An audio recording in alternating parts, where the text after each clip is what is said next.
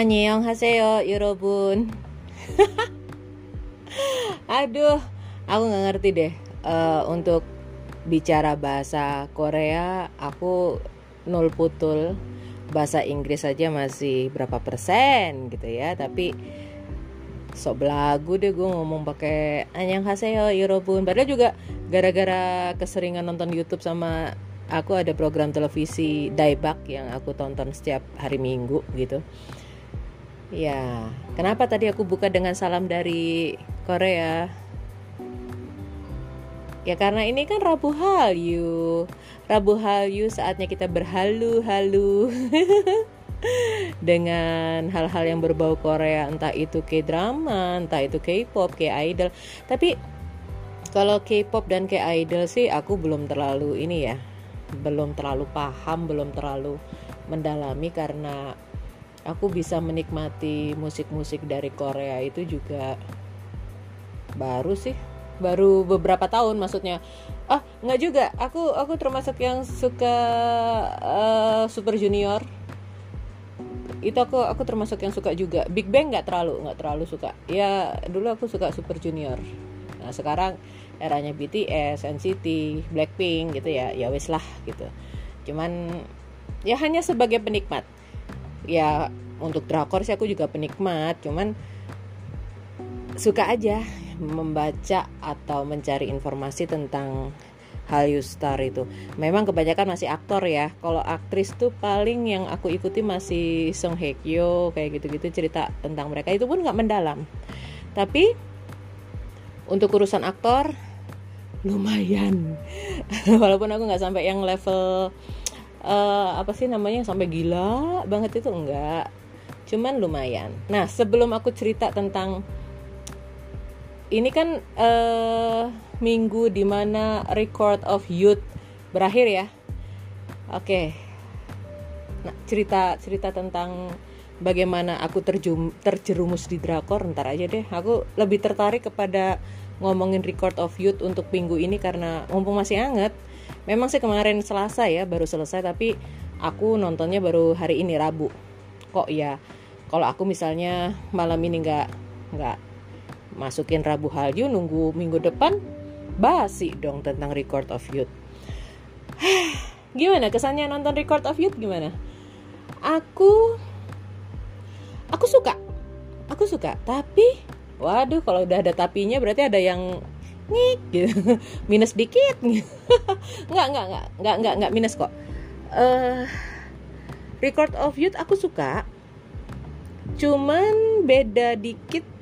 Feelingku beda dengan encounter. Kalau kita bicara tentang Park Bogam aku lebih lebih ke Park Bogamnya ya.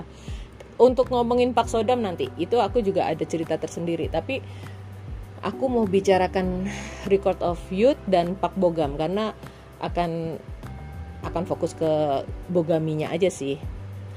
Nah alasan kenapa aku nonton Record of Youth satu Pak Bogam. Dua aku tuh orangnya hedon banget. Jadi uh, sebagai hedonis murni aku tuh suka drama-drama yang berbau keglamoran. Aku suka lihat gedung-gedung tinggi uh, gemerlapnya Seoul. Walaupun di balik gemerlapnya gedung itu sama kayak Surabaya lah. Lo ke TP yang sedemikian glamor uh, satu distrik yang ada mallnya, ada hotelnya, ada apartemennya. Coba lu naik ke tingkat yang agak atasan, tinggian dikit, lihat ke bawah, itu sudah kampung. Nah, kurang lebihnya gitu ya. Cuman ya ya aku memposisikan diriku adalah orang yang di kampung itu dan aku melihat gemerlap cahaya dari rumahku. Nah, itu itu kenapa aku suka ya sebagai kaum yang hedonis yang melihat apa ya glamor itu sesuatu yang aku lihat bukan aku alami atau aku rasakan. Jadi aku suka nonton keglamoran para model artis gitu. Walaupun di settingannya record of it bukan itu. Kecuali kita kayak nonton yang Sky Castle atau apalah itu yang bener-bener orang-orang uh, the have yang punya ulah gitu. Ini kan enggak the have-nya ada orang yang biasanya ada gitu. Tapi sebagai makhluk hedon aku suka nonton kegemerlapan itu. Uh, ya itu kenapa salah satu alasan kenapa aku nggak suka nonton sagek gitu ya. Bukan nggak suka sih belum belum belum belum nyangkut aja. Pernah nonton tapi belum nyangkut di hati nah suka ke glamoran di uh, Record of Youth. Yang ketiga apa ya aku mau meh ngomong apa kok lali yang pertama Pak Bogam yang kedua karena aku orang hedon suka melihat sesu segala sesuatu yang hedon Uh, yang ketiga ini filmnya Studio Dragon yang produksinya Studio Dragon ya. Ini termasuk uh, yang aku list. Jadi sebenarnya mengenalkan ini temanku si Revi Dinar. Dia bilang cobain deh itu ada satu PH yang kalau bikin drakor serial gitu udah kayak film aja. Dan ternyata bener. Nah kenapa aku suka? Karena dia secara visual itu memanjakan mata kita shootnya ya jadi sudut-sudut pengambilan gambar pencahayaan itu aku suka enak gitu dilihat ya itu sih sebagian alasan yang bisa aku ungkapkan yang yang lain-lain mungkin aku lupa ya kenapa gitu nah itu kenapa aku suka nonton uh, Record of Youth. Tapi kalau misalnya aku disuruh membandingkan aku masih lebih suka Pak Bogam main di Encounter. Uh, bukan Pak Bogam ya ceritanya itu aku lebih suka di Encounter. Dan dia di Encounter itu nggak di Encounter aja sih. Uh, aku tuh selalu tersentuh dengan Pak Bogam itu kalau nangis. Asli serius serius. Jadi yang di Encounter tuh kan aduh gila aku liatin dia nangis sampai ikut nangis gitu yang menohok menusuk kamu melukai hatiku kayak sampai kayak gitu rasanya. Ya jadi kalau misalnya mau dilevelkan antara Record of Youth sama Encounter aku masih milih Encounter. Tapi kalau misalnya di uh, ini uh, replay replay 1988 itu kan memang bagus dan bagi semua orang yang nonton itu mengatakan bahwa itu serial yang bagus. The problem is uh, replay 1988 itu uh, backgroundnya kan tahun 88 jadi kesannya itu uh, tua kumuh karena memang tahun 88 Korea masih seperti itu jadi kalau mau nonton itu nggak ada salahnya kalau kita membaca terlebih dahulu uh, cerita tentang Korea Selatan di masa-masa itu seperti apa? Bagaimana mahasiswa memberontak lah apalah. Itu itu banyak cerita kelam dari Korea Selatan yang tidak seperti sekarang. Sekarang sih teman-teman yang generasi baru yang lihatnya uh, apa ya Korea glamor segala macam. Nggak ngerti aja kalau Korea tuh gelap banget. Korea Selatan maksudku itu itu dark banget. Nah itu jadi uh, untuk posisi record of youth bagus. Tapi nggak yang sampai A plus plus plus plus plus. B aja deh. Kalau kalau di rankingin dia masuk B aja. Cuman ada faktor-faktor pendukung yang membuat aku nggak nggak terlalu nyesel.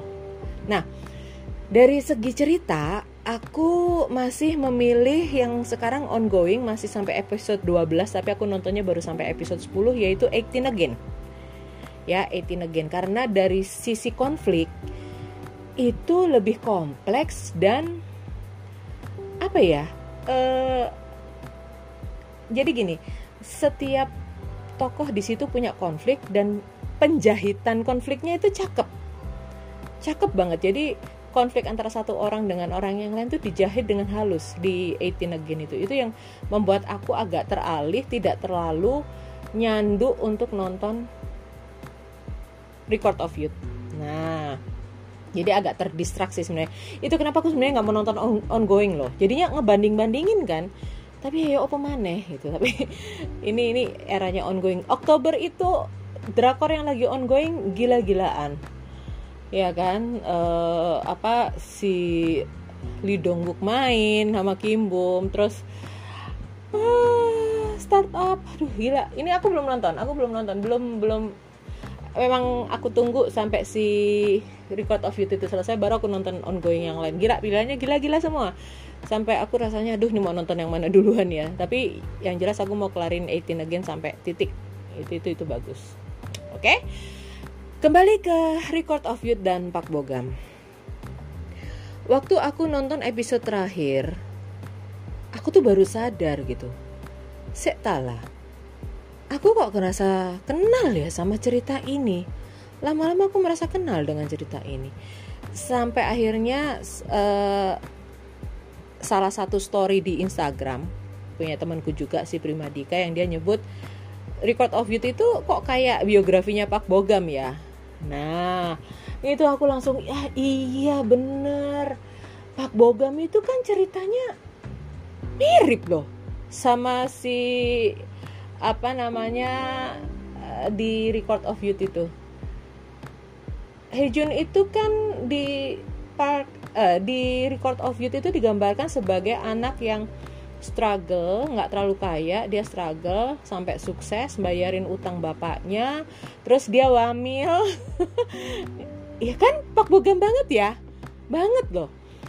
Dan uh, aku langsung keinget cerita aslinya Pak Bogam di mana dia dari uh, kecil dia ditinggal ibunya meninggal terus bapaknya itu terlilit utang yang banyak jadi saat uh, Pak Bogam itu debut di uh, drakor ya semua duit-duit dia itu ya buat nombokin bapaknya tapi dia tetap menjalankan sampai dia kuliah sampai dia menjadi bintang seperti sekarang sampai dia ikutan wamil. Nah, uh, kenapa aku sampai yang jatuh hati gitu ya sama dia?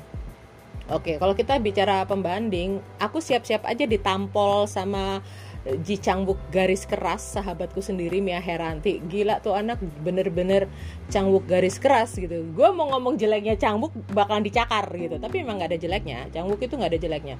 Dia punya latar belakang yang hampir sama dengan Bogam. Jadi bapaknya meninggal saat dia masih kecil ibunya single mother terus dia berjuang dari kecil dengan dengan perjuangannya gitu. Jadi uh, Gami dan Wuki itu sebenarnya ada ada benang merah yang sama. Tapi waktu aku nonton uh, video-videonya Park Bogam waktu dia cerita tentang kesedihan-kesedihan dia kan nangis tuh.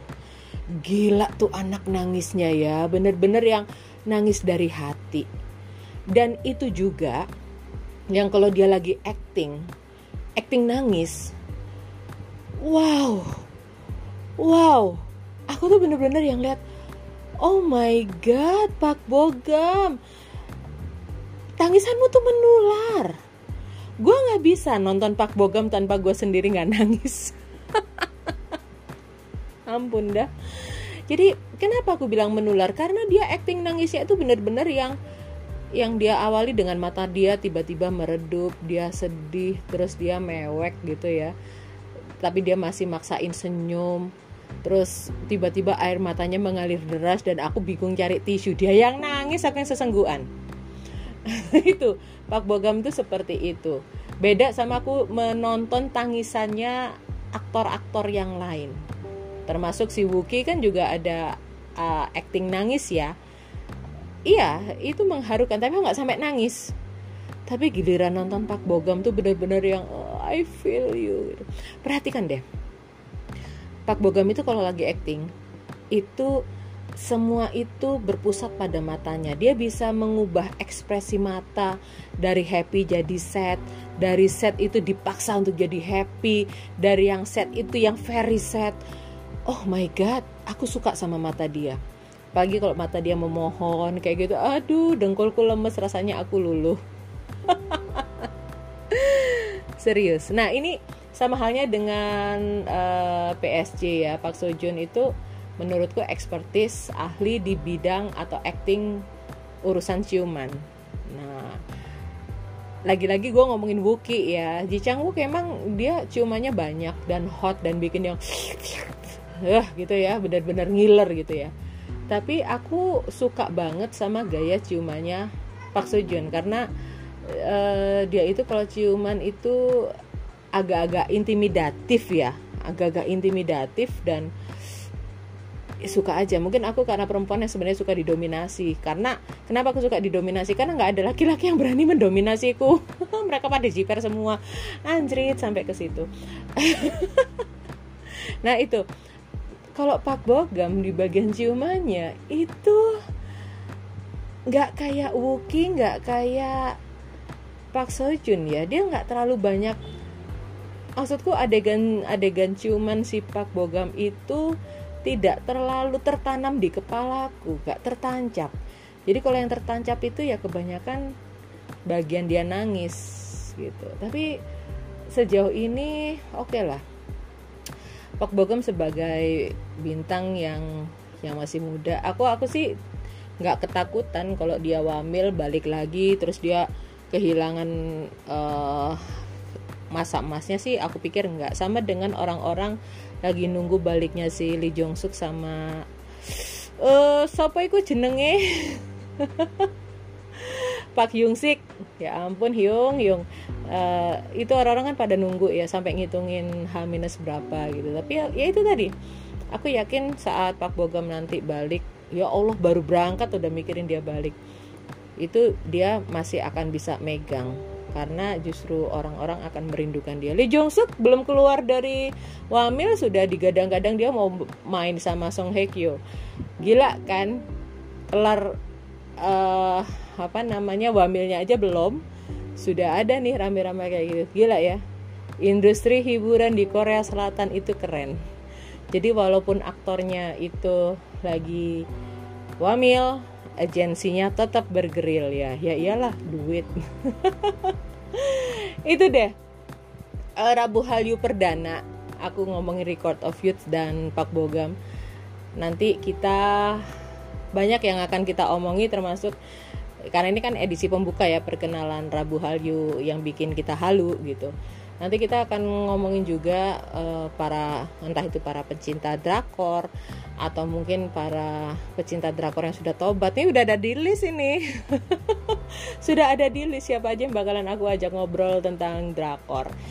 Untuk ayang-ayang Didi yang mungkin mau bilang di bahas ini dong, bahas itu dong tentang Hallyu baik itu uh, movie, drama, K-pop atau mungkin culture yang pengen dibahas. Kuliner juga oke okay loh ya. Rabu Halyu ini oke okay, karena dia juga ada budaya kecantikan nanti akan aku sampaikan juga budaya kecantikan, ada kuliner dan asal tahu aja kita tuh sudah dijajah oleh budaya Korea Selatan. Nggak percaya? Ya udah nanti akan kita bahas. Nggak tahu di episode keberapa. Jadi ayang-ayang Didi tungguin aja. Seperti yang Didi sampaikan di awal di perkenalan bahwa Senin, Rabu, Kamis, Senin, Selasa, Rabu, Kamis itu tidak semata-mata yang Senin sampai Kamis itu penuh akan ada postingan Didi Cahya bercerita. Tapi akan ada slot-slot sesuai hari. Jadi ya mungkin kalau misalnya minggu depan nggak sempet posting Rabu Halyu jangan dimarahin, tapi akan aku usahakan. Oke? Okay? Oke, Rabu Hallyu, waktunya kita berhalu-halu sudah kelar. Tetap seperti biasanya, silahkan berinteraksi bersama Didi Cahya. Boleh juga di medsosku ya. Ada di Twitter dan IG namanya Didi Cahya, sementara yang di Facebook namanya Ning Dia.